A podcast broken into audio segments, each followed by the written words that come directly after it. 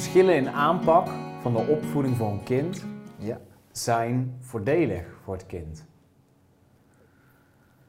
Ehm, neigt hij naar eh, mannen- en vrouwen-energie, papa- en mama-energie? Het zou kunnen. Sommige denk- ouders kunnen straffen, anderen kunnen belonen, Ja. anderen kunnen de risico's benoemen, weer anderen zeggen go for it. Ja.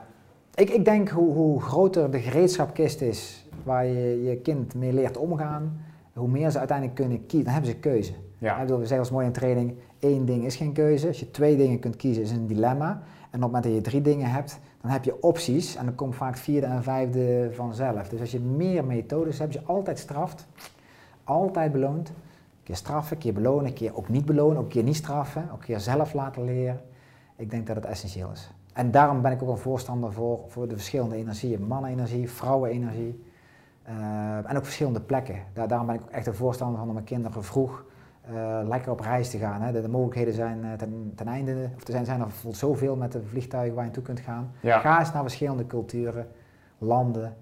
Ehm, Om op die manier ook te leren, los van boeken, los van Ja. internet, los Ja. van schermen, maar gewoon ja, real life in een land, Zeker andere cultuur. ja.